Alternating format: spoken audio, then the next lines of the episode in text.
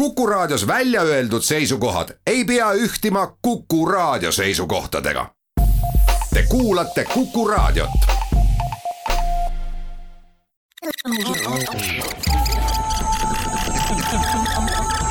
digi, digi, digi, digitund, digitund. digitunni tulevikulahendused ja 5G toob sinuni Telia tere, head kuulajad, käes on kaheksas november aastal kaks tuhat kakskümmend üks, Digitund on nüüd teiega eetris ja tehnoloogia juttu ajavad Hans Lugas, Henrik Roonemaa, Meelis Väljamäe ja äh, me ei pruugi siia kolmekesi jääda siia oma stuudiosse, vaid meil on oodata veel külalisi. aga millest me alguses äh, alustame täna saates on see, et räägime, miks sisuliselt äh, nõrkade paroolide tugevdamiseks välja mõeldud kaheastmeline autentimine ikkagi ei toimi ja näited sellest nii laiast maailmast kui ka meilt samast otse Eestist on käega katsuda ja võtta ja arutame, mis me siis edasi teha võiksime. jõulud on äh, pisut rohkem kui kuu aja pärast tulemas, inimestel suur mure, äh, tahavad saada kinke, tahavad anda kinke ja seekord äh, tulevad jõulud teisiti, on, on vist paslik öelda, sellepärast et väga keeruline on paljusid tooteid poest leida. me räägime sellest, mida saab, mida ei saa, mida saab, mida tuleks kohe osta ja, ja miks ei saa viskame pilgu peale korra viimastele värskematele uudistele ja tegelikult juba vist üle-eelmine nädal tuli välja äh, populaarse MacOS operatsioonisüsteemi uus versioon sel sügisel, MacOS Monterey. kiikame korraks sisse, mis seal uut on. Eestis on valmis saanud väga suure vastajaskonnaga sotsiaalmeedia kasutamise harjumuste küsitlus, kus selgub üht-teist ja seda me saame siin täna tutvustada. ja lõpuks lubame teile rääkida ka teisest uuest operatsioonisüsteemist sel aastal Windows üksteist digitund, digitund, digitund. alustame siis Digitunni äh, saadet äh, esimese teemaga, milleks on see, et kui tükk aega tagasi internetis äh, väga laialt üldistades internetis tekkis selline probleem, et inimese kasutajanimi ja parool enam ei olnud piisavalt turvalised, parooli oli lihtne ära arvata, lahti murda, need lekkisid. võeti kasutusele selline asi nagu kaheastmeline tuvastamine, et sa saad peale parooli pead sisestama ka näiteks panka või e-poodi sisse logides ka mingi koodi, mis tuleb sulle SMS-iga või näiteks telefonis olevast turvaäpist. viimased näited selle kohta maailmast ja Eestist ütlevad, et noh, sisuliselt see paljude inimeste puhul enam midagi ei kaitse. eelmisel nädalal kirjutas näiteks Wise Ameerikas sellisest mustast turust, mis äh, lubab kasutada bot'e äh, siis kaheastmeliste koodide lahtimuukimiseks ja, ja Wise kes on tihti hoiab sellisel tehnoloogia ka, ka mustal poolel äh, kätt pulsil. väga hästi kirjeldab selle lahti, kuidas see siis käib, et ohver saab kõne äh, võltsitud numbrilt ja ma hüppan paralleelselt siin kohe Eestisse, et, et tuua see näide ka Eestisse, et täpselt sama toimub ka Eestis petukõnedega, et inimesel tuleb kõne ja see number näitab nagu see oleks mingi, ma ei tea, Swedbanki telefoninumber. oota, et mina, et ma ei ole ise mingit, ma ei tea, pangasessiooni alustanud ega midagi, ma istun, ajan oma asju rahulikult. järsku heliseb telefon just ja number näitab, et noh, Eesti puhul on see Eesti number, Ameerikas mm -hmm. on siis Ameerika number, kohalik number ja mis võib-olla Eestis ei ole nii äh, aktuaalne, aga Ameerikas on väga, et sulle helistab robot. sa kuuled ära kohe, et see on salvestatud hääl, sihuke masin loeb ette. kuna seal on väga palju seda robocall'e ja see on levinud, et see ei üllata kedagi. ja mis sulle öeldakse siis ohvrile, et tere, ma helistan teile siit pangast või näiteks PayPalist. ja tundub, et teie kontolt on tehtud viiekümne mingi kaheksa eurone makse et me kontroll-, me kahtlustame, et see on pettus. aga selleks, et see ka, pettus siis läbi ei läheks mm,, sisestage turvakood, mille me teile SMS-iga just praegu saadame. sulle öeldakse sellist asja telefonis. et, et mingi jama on juhtumas, aga et selle jama ära hoida, sa pead tuvastama ja selle turvakoodi saatma. aga taustal, mida teevad pätid, nad püüavad sinu kasutajanimega päriselt panka logida sellepärast saadab pank sinu telefoninumbrile selle SMS-i ja sa annad selle tegelikult siis nendele päitedele kandikul nagu kannad ette. et sind tõmmati Janeks selle petukõnega, sisestad sinna selle ja mida nad teevad, siis neil õnnestub panka sisse saada ja sult raha saada. aga see ei ole, sa rääkisid praegu Ameerikast, eks, et aga ma saan aru, et see on nii. Eestis, äh, e-, põhimõtteliselt Eestis ka käib veel täitsa selline pettuse no, viis. natuke igas maal pisut omad kombed on ju, mis siis Eestis noh, ma kopeerisin välja ühe tüüpilise juhtumi. Tapal elav Eesti äh, üks mees äh, sai kõne Äh, siis kellelgi, kes ütles, et on Swedbanki töötaja. ja Eestis need robokõned ei ole väga levinud, on ju, siin on ikkagi helistab sulle inimene. ja selle muide, selles mõttes, et meil lihtsalt äh, mitte, et me väga tahaks inimesi panna helistama, aga ma arvan, et tehnoloogiliselt me ei ole nii kaugel kuigi yeah. kõnesüntesaatorid iseenesest on täna juba väga head, eks ma arvan, et siin läheb, no see me alles tegime neurokõnest ju saate. et, et ma arvan, et see on pisikene hüpekene, mis siin tuleb lihtsalt Just. Teha ja, ja kaua ei hea lähe. küsimus Jah.. aga samamoodi seal Tapal elava mehele siis öeldi väidetavalt, et jällegi tema nimel on võetud kiirlaen. ja, ja kui ta tahab sellest loobuda, siis ta peaks sisestama oma Smart ID koodid kohe, mida ta sellest ka tegi ja siis ta pärast avastas, et tema nimel on päriselt ka võetud kiirlaen seitse tuhat eurot. Suvaline näide samal päeval Rakverest, jälle üks neljakümne viie aastane naine, jälle tuli Swedbankist justkui kõne. mingisugune turvalisuse tagamise ettekääne oli, et see naine pidi siis kinnitama Smart ID abil mingisuguse tehingu või sisselogimise. jällegi avastas hiljem, et oli kaotanud raha ehk siis Smart ID peaks olema see kaheastmeline tuvastamine või siis sulle tuleb mingi kood SMS-iga, mis peaks olema see.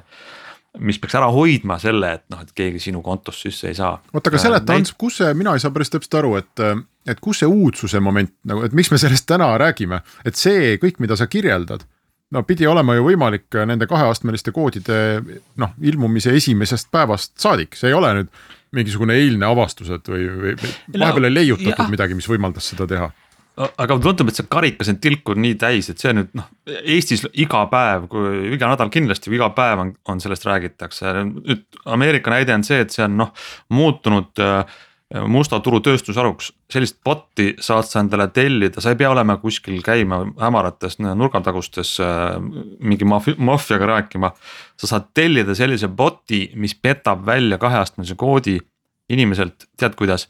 Ühe Telegrami kontoga suheldes, Telegrami sul nagu ehk siis bot aitab sul mm, automatiseerida seda väljapetmist, et see on muutunud nii massiliseks.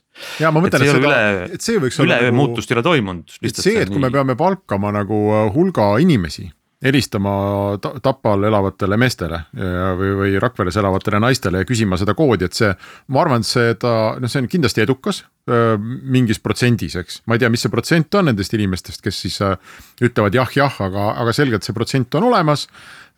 ja aga, aga see on siiski selline käsitöö, eks, et sama No hästi. just, see on butiiklähenemine. jah, just butiikpettus, aga ma arvan, ta läheb huvitavaks just siis, kui see oleks võimalik täielikult automatiseerida. Et see robot Vot... valib äh, sada tuhat äh, kõnet tunnis. no aga minu arust need näited räägivad sellest, et suures keeleruumis on sul võimalik see automatiseerida, aga väikses keeleruumis sa ikkagi saad inimestelt need pettu, need koodid kätte petta. ehk siis küsimus on, et mis me siis edasi teeme, kuhu me lähme, me näeme, et võib-olla väga teadlikel arvutikasutajatel töötab see eh, kaheastmeline autentimine, me ei anna võõrastele neid koode, aga laial populatsioonil noh, lahendust ei ole no siin tegelikult ikkagi esimene asi ju ongi see, et tuleb äh, tõsta inimeste digitaalset teadlikkust, et äh, piisavalt palju rääkida igal pool sellest, seda ei tehta piisavalt palju, et pank ja maksuamet ei küsi su käest kunagi. aga, aga see on ju nii ja naa, Meelis, selles nagu, mõttes, et äh, et kui sa nagu helistad äh, ise näiteks äh, Swedbanki äh, kasutajatukke olen mina helistanud, siis nad küsivad küll, helistad sinnasamale numbrile, absoluutselt, aga, aga siis on see, et. et ma nüüd ise helistasin ja Ehm, aga vaata Jaa. teistpidi, kui see, kui see kõne tuleb samalt numbrilt, kui nad on selle kuus, kolmsada mis ei kümme, ole- kolmsada kümme, noh, jah, mis ei ole sada protsenti välistatud jah, et ma just. just ma tahtsin öelda, et teine asi on see, et äh, pangad, kui nad helistavad sulle, näitavad alati numbrit, eks ole, aga muidugi seda on võimalik võltsida. aga teine küsimus on jah see, et, et äh, ikkagi, kui helistatakse, kui sa, kui sul ei ole parajasti käsil mingit tehingut, siis äh, sul ei ole käsil mingit tehingut ja, ja kui sa kahtled, äkki on tõesti midagi jama, et mul tahetaksegi raha ära võtta, siis noh, paneme, lõpeta see kõne ära. see on muide jah, igasugune sisse tulev info on Et, hästi äh, kahtlane, kui ma saan ka emaili oma pangalt, ma juba ei usalda seda, kõne Just. tuleb panganumbrilt, väga kahtlane. sain muideks üks päev äh, päris hästi õnnestunud võltsitud emaili SEB-lt, ma olen ise ka SEB klient ja see nägi tõesti päris realistlik välja. ma kohe üllatusin ja veel rohkem üllatusin sellest, et see tuli Gmaili filtrist läbi, tavaliselt nad lähevad nagu kuskile musta auku, eks ole, aga. aga ainuke esimene asi, mis mind kohe nagu noh, esiteks see, et, et sellist infot mul ei olnud vaja, on ju, nagu mis seal kirjas kirjas oli ja teiseks oligi see, et noh, see meili päis oli või meili aadress oli ikkagi mingi Ehk sa see punkt blablabla on ju. Ehk siis seda tasub vaadata, ma aga ta nägi, nägi üllatavalt ma hea olen ühest välja. küljest nõus sinuga, Meelis, et see on äh, noh, selline sellist tüüpi pettus, et kui inimene läheb õnge, siis ta lähebki õnge ja väga raske on tehnoloogiat selles süüdistada, et noh, sama hästi me võiksime ukse taha talle mingid noormehed saata, kes noh, ajavad mingit mesijuttu ja, ja petavad raha välja, et, et seda nagu kõike on. Ja, ja tehakse ka. Mida tehakse ka jah, aga ei, tegelikult mina arvan ikkagi, see on nii-öelda inimeste informeerituse küsimus ja mida kaugemale tehnika areneb, seda keerulisemaks see läheb, et me ei saa. see oligi see, mida ma tahtsin öelda, et, et, et, noh, lõpuks, kuhu me nagu jõuame, et kui me veel kuue aasta pärast istume siin digitunnis, eks, et mida me siis ütleme inimestele, et noh, täna me juba ütleme, ära usalda ühtegi kirja, mis sulle tuleb, ära usalda ühtegi kõnet, mis sulle tuleb, ära usalda ühtegi sõnumit, mis sulle tuleb. ma võib-olla kuue aasta pärast on... ütleme, et ära ütle, ära usalda Meelist, kui ta tuleb vastu sulle tänaval ja ütleb midagi. aga ei usaldagi, ei usaldagi no., aga millest me räägime räägime sellest, et email ja aga... tavaline telefonikõne on oma olemuselt võib-olla oma aega hakkamas ära elama. Sa mingeid võõraid email'e ja võõraid numbrite vastuvõtmine, see asi ei tohiks enam nii käia. et pangad ja asutused peavad viima oma suhtluse üle turvalisse no, kanalisse, et kasvõi ainult äpi kaudu suhtlevad sinuga, kust sa tead, et see pärineb. Yeah sellepärast ju näiteks ka USA-s ongi see probleem, et inimesed ei võta enam lihtsalt kõnesid vastu kuna, üheksakümmend üheksa protsenti on spämm robotkõned, eks ole, et tavalisi kõnest niikuinii ei tule. ehk siis on, on suur probleem aga ma ei tea, eelmine kord me vist rääkisime sellest, et sellest äh, uuringust, kus äh, oli kirjas, et Eesti inimesi turvalisus ei huvita, et see tegelikult sealt tuli välja ju ka see, et, et tegelikult seda kaheastmelist autentimist Eestis kasutab no okei okay,, Smart-ID-d ja, ja mobiil-ID-d ilmselt rohkem, aga, aga selliseid kaheastmelisi asju ikkagi inimesed kasutavad noh, maksimaalselt no, pool elanikkonnast, mitte rohkem. aga mis me nüüd siis järeldame sellest kõigest? Ikkagi, et seekord veel saamegi öelda ja mulle tundub, et meil ei ole muud targemat öelda, me laiutame käsi ja ütleme, et uh, sorry, et ära, kui keegi helistab, keegi kirjutab, keegi ütleb midagi, keegi tuleb tänaval vastu, isegi kui sa arvad, et see on sõber, ära usu, ära usu kedagi ega midagi ära usu jah, kontrolli, kontrolli kõigepealt järgi ja. ennem kui sa hakkad kellelegi mingit infot jagama. et see kaheastmeline autentimine on iseenesest ju ka teistpidi ohtlik, ma vist rääkisin sellest, kuidas ma oma telefoni jätsin taksosse rääkisid vist küll. Äh, kui ei rääkinud, siis seal jah, siis oli, oli, rääkisin küll, ehk siis äh, on, on ka teistpidi häda, aga parem on ta ikka, kui, kui mitte mingit turvalisust. parem kui mitte. butiikpettus, butiikpettuse vastu ei aita Läheme siit meie butiikpausile väiksele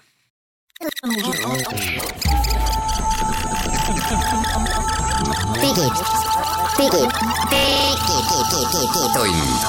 digitund. digitunni tulevikulahendused ja 5G toob sinuni Telia. digitund läheb edasi ja vaatame korraks äh, lähitulevikku, aasta lõpp on tulemas, võib-olla pakime midagi punasesse krabisvasse paberisse ja kirjutame jõuluvanale, et too mulle midagi head. jõuluvana ütleb ei saa, kiipe ei ole et niimoodi no mis tal muud öelda on, ta ei ütle ju, et sa oled paha laps, ta ikka ütleb, et ikka ausalt. ma arvan, et ta ütleb, et see just ta ajab mingit udu teemal, et aga sa ikkagi sel aastal sa ei käitunud no, kahjuks piisavalt hästi. see oleks julm. sa ei saa uut Playstationit, uut telefoni, uut kella, autot, mitte midagi ei saa. ja sa ei saa ka uut, no ütleme, võib-olla Playstationi lootus oli juba maha maetud, sa ei saa ka uut Nintendo Switch'i, sellepärast et Nintendo nüüd eelmine nädal ütles, et Äh, langetas järsult oma mm, prognoosi Switch'i müügi osas, mitte et inimesed seda ei tahaks, vaid äh, jällegi kiibi puudus. Äh, et ilmselt on ka löögi all, ma ei tea, Meelis, kas sa oskad kommenteerida, kuidas Eestis praegu, me räägime novembri algus siiski veel. Playstationit ei maksagi oodatagi, on ju, aga kas, kas Switch'i nii-öelda saadavus on normaalne veel, on võimalik veel osta, kes tahab? On, on veidi problemaatiline, et tegelikult ma just vaatasin enne, et eh, momendil meil on eh, tavalist vana Switchi üsna okei okay kogus. tõenäoliselt mitte piisavalt, eh, et jõulu, jõuludeks jätkuks, aga, aga okei okay kogus. Oled Switch on momendil otsas, minu teada tuleb juurde, aga kui palju ei oska öelda ja noh, Playstationi ja Xbox'iga on, on eriti kurb, et neid ka tiksub juurde, aga tootjad ei oska absoluutselt öelda, kui palju ja millal saab, nii et kui saame, siis saame ja igasugused ennumised on on tänamatud, et kui kuskilt paistab, siis tuleb ruttu ära osta. ma nägin vahel ütlen, nägin tüüpilist pealkirja inglise meedias üldiselt... oli see, et siis, et tõlgin, et Playstation viis ja Xbox seeria X on nüüd müügil Walmartis ja muidugi uudise sulgudes oli kohe välja müüdud. ehk et kui sa juba, keegi loeb seda ja nad järgmise viie minutiga muutsid seda pealkirja just ehk siis see käib päris kiiresti ka seal. no mitte midagi, et kinkida midagi mittetehnikat võib-olla või midagi hingel, eks ole, mingi lauamäng, mingisugune raamat, aga. aga selles mõttes, et tegelikult noh, kingitasime teisigi, aga samas, mis tehnikat puudutab, siis noh, kui nüüd siin nii-öelda enda eh, sellist taguotsa kergitada või ennast kiita, siis eh, meil on eh, ilmselt noh, olles seda ette näinud, siis kõik, mida on võimalik, mis on populaarne ja, ja mõistlik ja mida on võimalik laos hoida, siis me oleme oma lao täis toppinud, ehk siis meil on kaupa. erinevad siin paljudest teistest konkurentidest, kes Eestis olemas on, et meil on Eesti ladu ja meil on Eesti ladu kaupa paksult täis. ja kui mujalt otsa saab, siis meilt ikka kingitusi leiab. Blenderis. kahjuks, kahjuks Playstationit ei saanud, aga Blender on.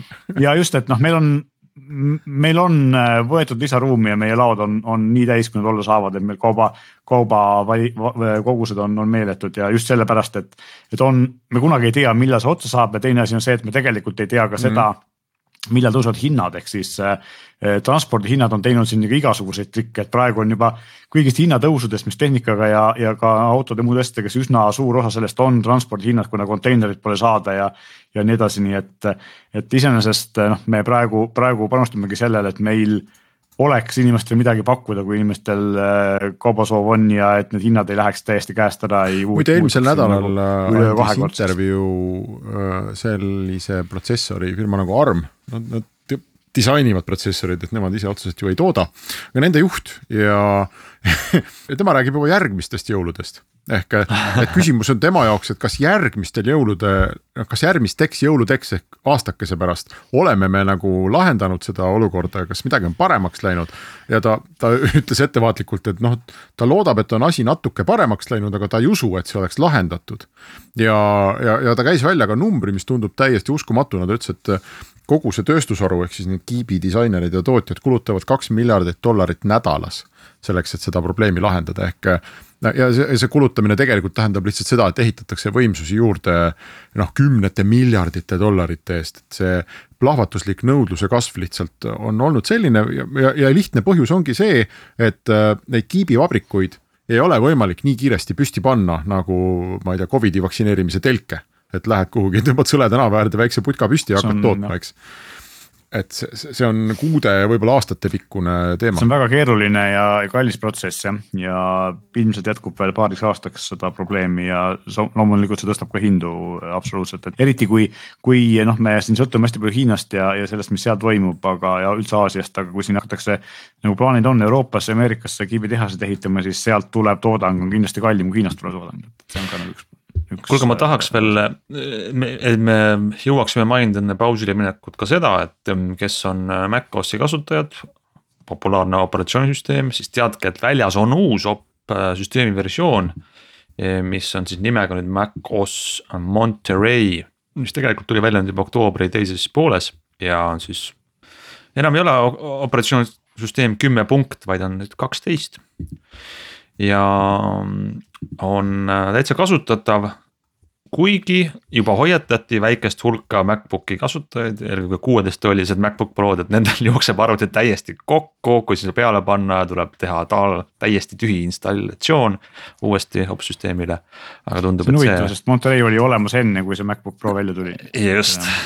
aga, aga Hans, ma saan aru, et sina oled selle endale arvutile installeerinud, mina olen tükk aega vaadanud seda kirjakest seal App Store'is, et, et, et pane tõmba nüüd uus Mac ja olen loobunud, sest esiteks ma ei saa aru, mis seal vajalikku on ja teiseks see Apple'i äh, viimaste aastate selline tarkvara kvaliteedi kõikumine on mind teinud väga ettevaatlikuks, et mul on praegu Mac, mis töötab ja ma ei näe mingit põhjust hakata seal nagu surkima mm. -hmm. Tead, muudatused on küll pisikesed. aga ma, ma ütlengi ainult, ütleme siis äh, neli asja, väikest asja, mis seal on, ütleme, oleme konkreetsed. number üks, kui sa teed mõne foto lahti oma uues äh, Mac OS-is ja foto peale sa oled pildistanud mingit teksti, siis sa saad äh, seda teksti nii-öelda select ida ja kopeerida.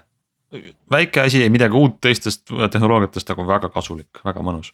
ja siis teine uus asi võib-olla on oluline eh,. Facetime'i kõned, mis varem olid ainult, et sa said rääkida videokõnesid teha teiste Maci kasutajatega, nüüd sa saad saata. nagu me enne saate algust ka testisime, Windowsi inimestega teha videokõnet kasvõi kui sul vanaemal maal on Windows ja ise oled Maci peal, siis enam ei. Ei ole ettekäänet, et oi, ma ei saa tema taga teda näha, sest tal ei ole Maci, nii et saab ikka see on brauseri kaudu. Androidi ja, ja, ja Chrome'i ja mis iganes teistega, et on brauseri põhine, eks. just, just., väga mõnus. mind, mind huvitas, minu jaoks oli kõige põnevam tegelikult see, et AirPlay vastuvõtja, ehk siis kui sul on iMac või. MacBook on ainus ekraan, siis sa saad saata sinna oma telefonist nüüd eh, lingi ja just. vaadata sealt. ma saan oma telefoni ekraani dubleerida ka arvuti ekraanil mis on selles mõttes lahe, kui sul on näiteks suurem ekraan, suurem arvuti, näitad midagi seltskonnas teistele ja sul on telefonist üritad näidata mingit äh,. ma ei tea, äppi, mida iganes, siis sul nagu toimub välise telekana toimub su arvutiekraan. nii, ma loen nüüd näppude peal, üks on veel puudu, üks ja ütle. üks sa äh, lubasid neli öelda meile.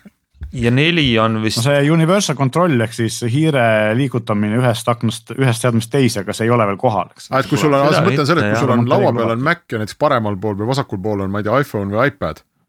siis ja. ma saan aru, et siis sa võid nagu hiirt lohistada paremasse ekraaniserva ja siis maagiliselt ilmub ta sulle, ei, kas ta iPadil on ka hiire ikoon siis või? või see hiire nool tuleb sinna iPadi sihuke peale? mumm on jah aa, aga noh, see on juba üsna väike, väike asi, et kes siis kasutab korraga iPad'i ja Maci. aga no Just, ütleme ei ole mõtet nagu hoiduda uuendamisest, sellepärast et need ei, midagi katki ei tehta ja midagi suurt ei äh, nagu ümber harjuma ei pea, aga väiksed mõnusad äh, täiendused. ma mõtlen selle peale, ma olen ikkagi ma ju väga ei kuulnud muidugi, et ma midagi väga juurde saaksin sellest nendest äh, neljast asjast, minu jaoks ei olnud ükski selline, et ma nüüd mõtles, et ma mõtleks, et. ei ole suured asjad tõesti, jah, jah, ei ole, aga pigem siukene väike, väike iteratsioon. olgu, aga, lähme pausile vist ja siis äh, jätkame saatega.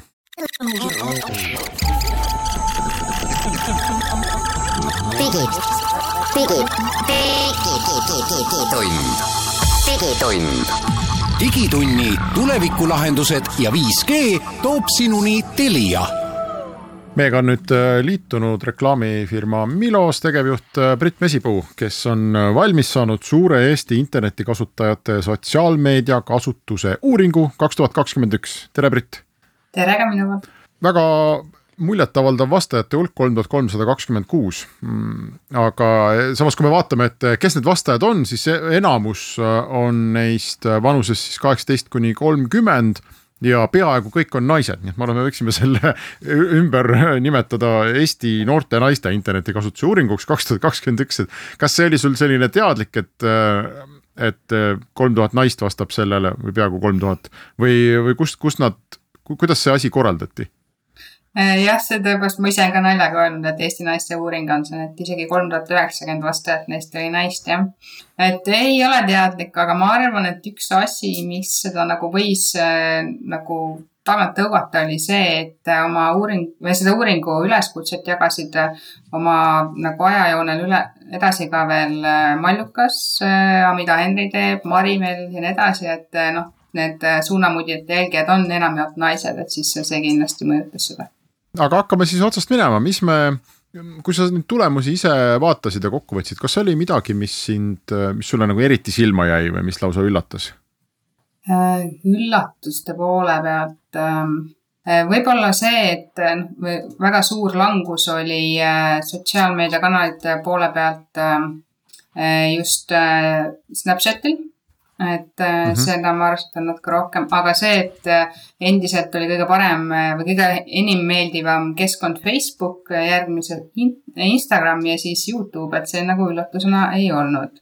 samuti oli see natuke, et neid blogide pidajaid oli nii palju, et sellest kolme tuhande kolmesajast vastajast sada kuuskümmend neli ütles, et nad ise peavad blogis.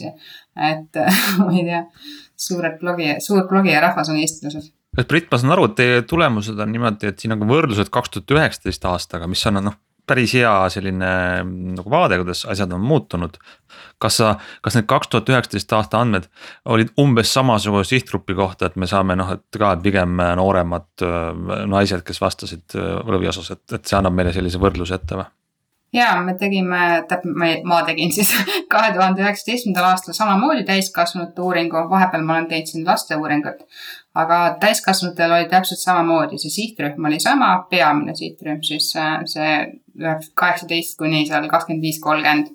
ja samuti olid naised, et selles mõttes võib küll suht niisugused samamoodi nagu võrrelda neid aga see on väga huvitav, et Youtube on siis see, nende selle, selles sihtrühmas ikka päris kõva kasvu teinud, see on minu jaoks isegi veel huvitavam kui, kui äh, ma ei tea, Snapchati vähenemine poole võrra või, Youtube on, ma ütleks siis ma usun kolm korda kasvanud, kui see, kui see suhtarve saab niimoodi kasutada. see on yeah., sa mõtled seda küsimust, Hans, et milliseid sotsiaalmeediakontosid sa omad, mitte et mida sa jälgid, eks? jah, tõsi, tõsi. jah, et Youtuberid, et, et ilmselt on siis tekkinud hulk Youtube ereid või ma ei tea, või on inimesed muutunud teadlikuks ja näinud, et nad on Youtube'i sisse logi, loginud, kui nad seal käivad? Kui ma lasteuuringut tegin, siis seal oli ka niimoodi, et meeletu tõus, see võib ka olla sellest, et, et paljud on nagu ilma kontota sisse loginud. aga nüüd on nad need kontod teinud, et saada nagu isikupärasemaid videosi ja asju, et see võib üks põhjus olla näiteks. Samas on väga minu meelest see mm, lõpuots on ka nagu huvitav, ehk et kui sa tahad äh, Eesti kaheksateist kuni kolmekümne aastastele naistele midagi, ma ei tea, öelda, müüa, turundada, silma jääda, mis iganes, siis Twitterisse ei tasu minna et see on noh, praktiliselt mitte kellelgi ei olegi üldse Twitteri kontot, et ja noh, sealt veel, veel vähem on Pinterest mm. -hmm. aga see, see otseselt nagu su sotsiaalvõrgustik ei ole ka. et see on minu jaoks väga suur üllatus, et neid seal ei ole mis on iseenesest huvitav, sest et noh, Twitter loomulikult, Twitter ongi selline ajakirjanike kanal, aga, aga äh, Pinterest on USA-s näiteks naiste hulgas hästi populaarne ja järjest kasvav, nii et selles mõttes on, on see, et Eestis seda ei kasutata omapärane. Ja, ja see on ka huvitav, kui me vaatame seda küsimust, et, et äh, kui inimene saaks kasutada ainult ühte sotsiaalmeediakanalit, et mis see siis oleks, siis äh, üle poole ikkagi ütlevad, et, et jääks Facebook. Ja noh, see on enam-vähem sama suur kui kaks aastat tagasi hästi Just. natukene on kukkunud, aga praktiliselt ei ole kukkunud me võime rääkida nendest skandaalidest ja mis on äh, Facebookiga valesti ja ei toimi. aga noh, ehk siis numbrid põllult, mida päris inimesed ütlevad, äh, täiesti stabiilne see on jah, turunduses tihtipeale öeldakse, et Facebook on surnud ja sinna pole mõtet minna ja niimoodi, aga ometigi tulemused on mõlemal korral, mõlemal aastal olnud see, et ikka Facebook on kõrgelt üle no ja kui vaadata nagu nüüd reklaami ostja seisukohast, siis Facebooki efektiivsus on kindlasti oluliselt parem kui paljudel muudel kanalitel, eriti võrreldes Eesti oma eh, nii-öelda portaalidega, siis sinna väga ei ole mõtet oma raha viia tänapäeval ja selle üle nad väga-väga kurvad on mm. -hmm siin oligi mul sellel aastal oli uus küsimus sees, et eh, kas olete ostnud mõne toote või teenuse sotsmeedias nähtud reklaami tõttu, siis eh, kolm neljandikku ütlesid, et nad on peale reklaami nägemist või reklaami tõttu ostnud selle eh, toote. Ja siis ka suunamudijate kohta küsisin sarnast asja ja siis seal oli et, et viiskümmend kolm protsenti vastanutest ütles, et nad on ostnud sellepärast toote või teenuse, et suunamudija on seda reklaaminud kas sa küsisid ka seda, oli ka, mis tuleb nagu vestlustes alati ette, et, et mulle torkab järsku sotsiaalmeedias silma mingi reklaam, mis on, et kuidas nad mind teavad, mu mõtteid loevad ja just seda reklaamivad, mida, millest ma rääkisin äh, eelmine päev sõbraga. et inimestel tekib tõrge sotsiaalmeedia reklaamide osas nende lahtiste, mul oli viimane küsimus oli sihuke lahtiste vastustega, kus igaüks sai kirjutada, mis tahab, on ju, siis seal päris mitu tükki ütlesid, et päris õudne on, et ei julgegi kuhugi minna ja et kogu aeg jälitab ja midagi rääkida ei saa, sihuke paranoia oli päris kõva mõnel no see on andmeteadusele väga hea reklaam lihtsalt, et tuleb minna andmeteadust õppima ja saab selgeks, kuidas see töötab see on samas huvitav, et ähm, just seda natuke nagu torkida, et kas see suunamudijate, et kui hästi see suunamudijate asi töötab, ma ei tea, Meelis, kas sa tead, kas teil on kogemusi sellise turundusega? on kogemusi. milliseid kogemusi? negatiivseid mille poolest? Eh, noh, see on väga lihtne, et, et kui me, me töötame reeglina suurte rahvusvaheliste firmadega ja, ja nende selline esimene loogika on see, et me võime hakata rääkima suunamudjatega töötamisest siis, kui me väga tahame seda. aga me võime hakata rääkima siis, kui see nende jälgijate arv on seal viiskümmend tuhat, no Eestis ei ole selliseid, eks mõni üksik, kaks-kolm tükki. teine asi on see, et minu kogemus on see, et see, mis hinda Eesti suunamudijad küsivad ja mida nad vastu pakuvad, on täiesti absoluutselt jaburalt. aga kuule, me just nägime Briti uuringust, pooled vastajatest on midagi ostnud sellepärast, et suunamudija ütles palju bänneri võimalik, aga, aga noh, no ongi, neid suunamudjaid on äh, tuhat ja siis seal on kolm tuhat vastajat ja siis, kui pooled neist on ostnud, siis on igaüks ostnud ühe suunamudja käest ühe asja, eks ole, et. et see, et see oleks nagu tegelikult, ütleme nii, et selle, selle raha panek Facebooki lihtsalt reklaami all on oluliselt efektiivsem kui suunamudija käest seda teha, et meie kui nagu müüjana on see eriti keeruline, kui sa oled tootja, kui sa oled bränd ise, kui sa oled Nike või ma ei tea, Sony, siis on eh, seda võib-olla mõistlikum teha, kuna sul ei ole vahet, kelle käest ostetakse, eks ole. aga müüjana noh, aeg-ajalt me teeme seda, aeg-ajalt see on kasulik, aga need on pigem eri case'id kui siis sellised päris nagu laus eh, meie loogika. aga siin võib olla, Meelis, eks ole see, et, et, et suuna, et nagu see Briti uuring näitab, et suunamudjad iseenesest nagu töötavad, et see, et see põhimõtteliselt see kanal töötab, aga probleem võib olla siis äkki selles, et nad on liiga väiksed et. Eestis muidugi jah, sest Eestis on lihtsalt, me oleme väike riik. ja sina oled liiga suur. ja, ja, ja meil on, meil on jah ja ja meil on ju tegelikult see, et, et me tegelikult, kui me teeme üldse midagi suunamudjatega, siis me teeme pigem kahel turul, üks on mängurid ja teine ongi siis naised ehk siis kodumasinad, köögiseadmed, ilu, eks ole, et sellised asjad, mis nagu neid huvitab, aga. aga näiteks äh, mingisugust äh, telekat me küll suunamudijatega ei viitsi reklaamida, sest seal ei ole lihtsalt nagu point. ma võin siia rääkida, ma võin siia vahele rääkida, kui me tegime alates siis aastast kaks tuhat viis kuni kaks tuhat viisteist kümme aastat äh, juhtisin mina ajakirja Digi ja kõigi nende aastate jooksul ma arvan, et heal juhul oli ühe käe näppudel äkki neid olukordi, kui Euronix ostis meilt reklaami. ja, ja mitte, et ma ei taha midagi halvasti öelda, aga ma saangi aru, et kui su publik on noh, terve Eesti, eks sul ongi seda telekat vaja müüa kõigile mitte mingisugusele, ma ei tea, kümnele tuhandele ajakirja digilugejale, et siis see ei omagi mingit nagu mõtet. aga kui sa oleks äh, tootnud mingisuguseid äh, käsitsi heegeldatud teleka ümbriseid, et siis äh, võib-olla noh, oleks täitsa mõte olnud no siin on ka teine asi see, et mida ma oskan kohe öelda, et lihtsalt Eesti prinditava ajakirja müüginumbrid on ikkagi üsna pisikesed, eks ole. eriti noh, sellise ja, suure, suure nagu no, kliendi jaoks nagu, nagu just, sina oled. ei saa ja. muidugi ka tõdeda, et ega teie see praegu viimased paar aastat me oleme ostnud reklaami mm -hmm. sealt ja ma ütleks, et noh, iseenesest põhiliselt sellepärast, et me oleks selles segmendis olemas, muidu on see ainult konkurendid. aga, aga jah, selles mõttes, et, et noh, paratamatult me oleme väike riik ja, ja kui me teeme mingit asja, siis me peame väga tugevalt optimeerima, et, et see meil ei tööta see asi niimoodi, et viskame kuskile vastu seina ja midagi ikka kinni jääb et see, see, me oleme selleks liiga väiksed. mis sina näed oma, oma klientide juurest, et kelle jaoks see selline suunamudijate ja blogijate ring töötab ja kelle jaoks ta ei tööta?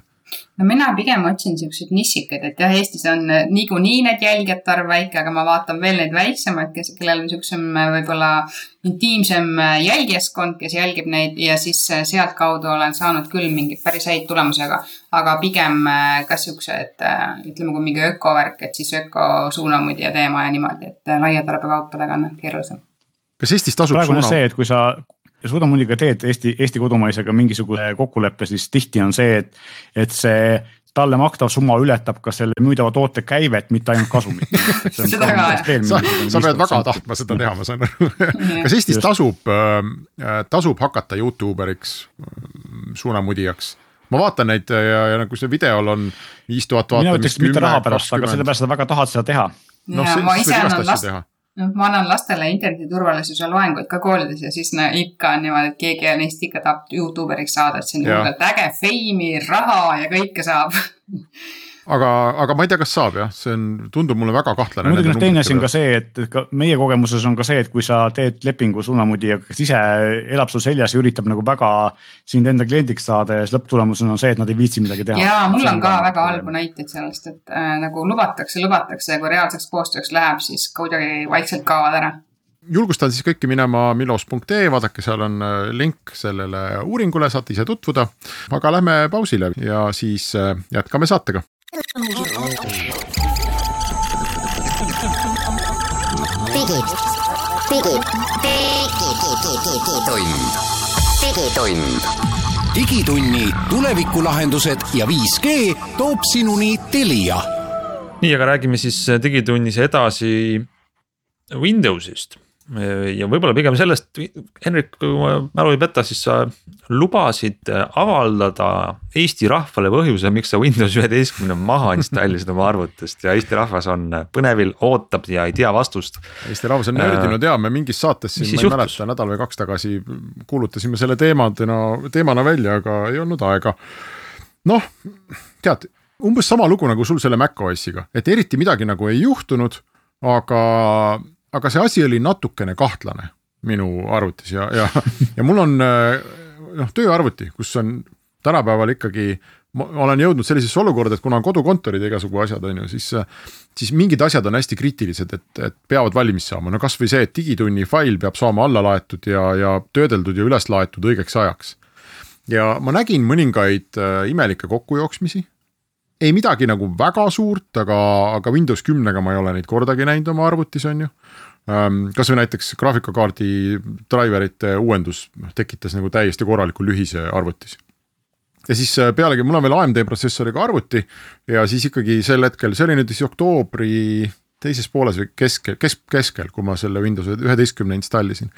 et äh, siis äh, kõik uudistekanalid ikkagi rääkisid sellest, need AMD protsessorid on noh, seal ma ei tea, viis kuni kakskümmend viis protsenti aeglasemad Windowsis, Windows üheteistkümnes sest äh, jälle mingi tarkvarajupp, mis seal oli tehtud, ei olnud õige. ja, ja siis ma vaatasin ka, et äh, noh, miks ma, et, et kunas nad selle üldse ära remondivad, kas see, kas see nagu töötab korralikult, see parandus ja, ja et miks ma pean selle järgi ootama. nii et ainuke asi, mis ma sain, mis mulle meeldis küll selle Windows üheteistkümne puhul oli see uus välimus. ta näeb, näeb kaasaegsem, puhtam, siledam seal... välja kas seal on siis see uus välimus niivõrra nii-öelda märgatav? on jah, tead on no,. oluliselt, oluliselt rohkem teistsugune on kui Mac-OS-ide vahe omavahel. jah, jah -hmm. et äh, mida, noh äh, midagi suurt ju ei ole, ma ei tea, Meelis, sina oled kasutaja või ei ole või? Ja ma pean ütlema, et eh, seda saadet ma praegu teen Windows üheteistkümnega selle arvuti tagant mm -hmm. ja nägin enne saate algust ära ka esimese rohelise ekraani ehk siis vana, vana bluescreen roheline no,. ja see ei olnud selle, ja see ei olnud Windows üheteistkümne süü, vaid eh, Focusrite'i äh, interface'i driver tegi ka kümne ja seitsme all samasuguseid lollusi, nii et selles mõttes okay. seda juhtub ikka. aga jah, mulle tegelikult meeldib ka välimus väga, ainuke asi, mis mulle ei meeldi üldse, on see, et ma seni olen kõigil arvutitel kasutanud äh, seda lahendust, et siis see taskbar või see riba on külje peal, mitte all ääres, kuna ta on ikkagi lai ekraan arvuti ja külje peal on kõvasti rohkem ruumi ja seda ma Windows üheteistkümnega teha ei saa. aga samamoodi nagu Entikuga on see, et mul on see ka siin nagu selline teine arvuti ja põhitööd ma teen kodukontoris lauaarvutiga, seal on mul Windows kümme peal ja ma ei kavatse praegu üht-teist panna just sellepärast, et, et kriitilised asjad võivad kes teab, eks. aga ma kirjutasin just jõuluajakirja jaoks ühe jutu ka, et mis on Windows üheteistkümnes uut, siis ma kirjutasin sinna juurde sellise väikse riba, et äh, lisaks on ka siis MacOS Monterey väljas. ja siis see vahe, eks ole, kui palju ma leidsin noh üheteistkümne kohta kirjutada, kui palju ma sain MacOS-i kohta kirjutada, on ikka nihuke viis korda rohkem. aga sa mõtled Windowsi kasuks, sest Windowsis on rohkem uut. aga no MacOS tuleb igal aastal välja ja, ja, ja Windows kümme tuli kunas. seda jah, seda ma mainisin seal ka, et, et noh, kuna see Windowsi numbri uuendus on ikkagi, ma ei tea, kord nelja-viie aasta tagant, eks ole, siis see peabki olema midagi rohkem. aga ei, selgem on küll, et noh, näha on see, et nad on võtnud väga palju snitti MacOS-ist või Linuxist või kui, kui sa vaatad seadete menüüd, siis ta on ikka väga telefonilik, et kui sa võtad mm -hmm. Androidi lahti, siis seadete menüü on väga sarnane, ehk siis palju lihtsam ja loogilisem, kui ta vanasti Windowsil oli. see on, on, on, see on suur asi tegelikult, sest et muidu sa eksid sinna nii-öelda vanasse kontroll paneeli ära ja ütleme, kui Just. sa ei ole ekspert seal, siis normaalne inimene sealt ei leia seda kunagi üles, mis tal päriselt vaja on. see, see kõlab mulle hästi ja ma selles mõttes, et äh, mulle, ma olen suhteliselt kindel, et kunagi sinna, sinna üle minnakse, on ju. ei ole ühtegi mingit nagu eksistentsiaalset põhjust, miks ma ütlen, et ei, ma mitte kunagi ei taha seda ja nii edasi. aga, aga mulle lihtsalt tundus, et täna sinna hüpata ilma mingi väga mõjuva põhjuseta on äh, mõttetult vara üks tarkvara logiseb siit, teine logiseb sealt, üks pole jõudnud, teine pole jõudnud vastavusse viia, noh, mida ma ronin sinna nii vara, et ma ootan ära, vaatame vaatame kevadel Täpselt, või sügisel. täpselt nii see ka on ja tegelikult ju saab ju noh, nüüd juba tegelikult vaikselt hakkab tulema, aga eks uuest aastast on põhimõtteliselt ei ole võimalik osta uut arvutit, millel ei oleks ju peal Windows üksteist. nii et noh, kui teil Mac, aga Windowsiga arvutit, nii et, et selles mõttes jah ja noh, Microsoft on lasknud, pannud tööle ka päris korraliku reklaamikampaania, kuigi ma ei saa aru, kellele see suunatud on, sest tavakasutajalt väga palju ei kõneta, aga. aga ise, iseenesest jah, et, et paratamatu on see, et kui te ostate kevadel uue arvuti, siis te Windows üheksakümne arvuti saate, nii et kui te Maci ei osta. ühesõnaga, ma ütleks kokku niimoodi, et see tundub paratamatu, see tuleb äh, kõigil, tuleb sellega harjuda, et see töötab aga ometi praegu Henrik selle installis maha, sest ta veel, kuidas siis öelda, köhib, krõbistab jah, ütleme, et võib ette, ette tulla komistusi. komistusi, kui sul on vaja jah, nagu kriitiliselt toimivat süsteemi, siis, siis tuleb ette komistusi jah. jah, ja vaata üks asi on kriitiliselt, teine asi on nagu lihtsalt see, et sa noh, isegi kui see ei ole kriitiline, aga kui mul on äh, mõte, et ma nüüd, äh, ma ei tea, paar tundi mängiks arvutiga või noh, et mul on nüüd mingi aeg, et ma lähen teen seda ja siis selgub, et sa mingil X põhjusel ei saa või mingi jama, mingi ebavajalik jama tuleb, siis seal Windows üheteistkümnes ei ole mitte midagi sellist, mille nimel neid potentsiaalseid jamasid nagu kannatada aga meil on veel mõned nagu... Äh, minutid aega, ma paneks, me tuleme, meil on selline ei saade, et, et me ei läinud Windows üheteistkümnele üle ja ma ei läinud uuele Mac OS-ile üle. me vahepeal oli siin teemade failis olid ka uued Pixli telefonid, kuhu me oleme kõik otsustanud mitte minna üle. täiesti ei saade jah. ei, et seal ei ole nagu et nii palju, kui ma lugesin, siis on ikkagi üks viriseb selle üle, et, et kaamerad ikkagi ei ole paremad, eriti kui Pixel viiel ja keegi viriseb selle üle, et videod on kehvad ja kolmas viriseb selle üle, et koostöö kvaliteet on kehv telefonidel.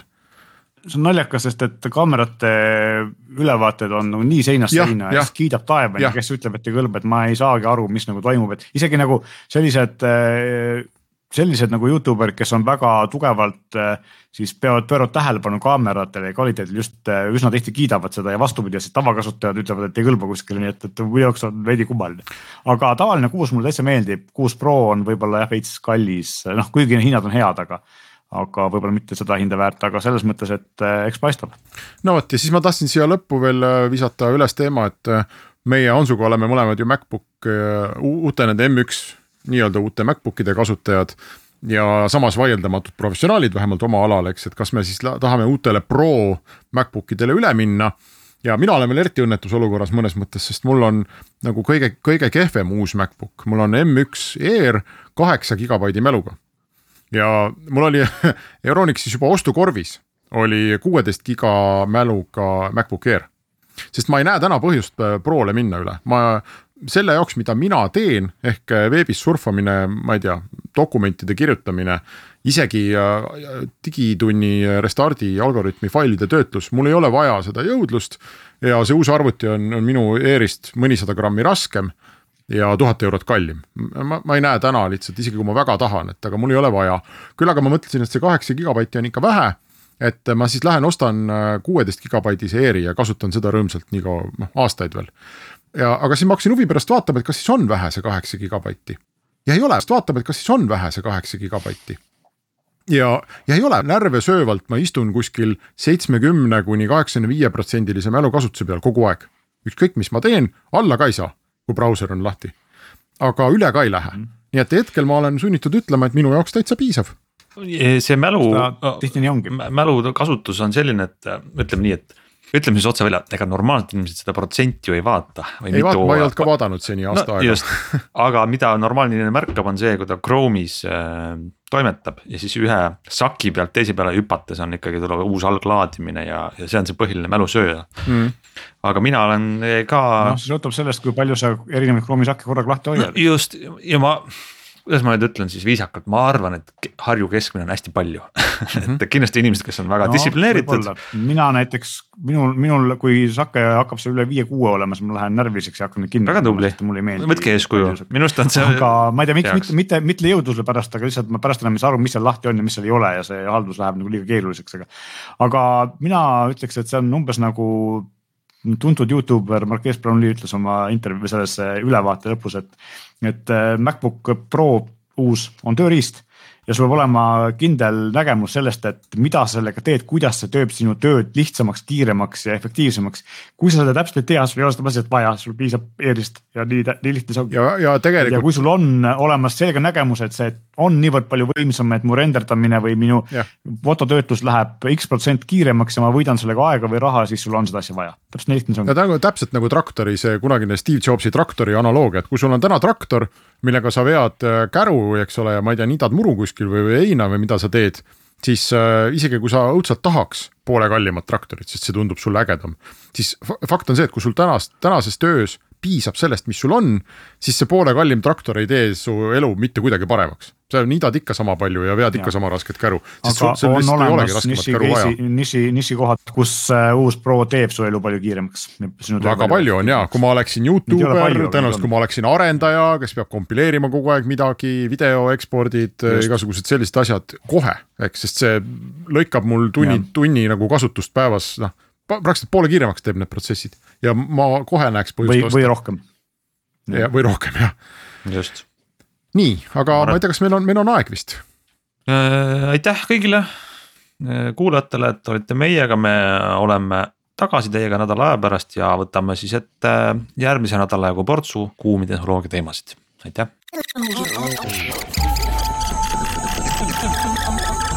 digid, digid digitund. digitund. digitunni tulevikulahendused ja 5G toob sinuni Telia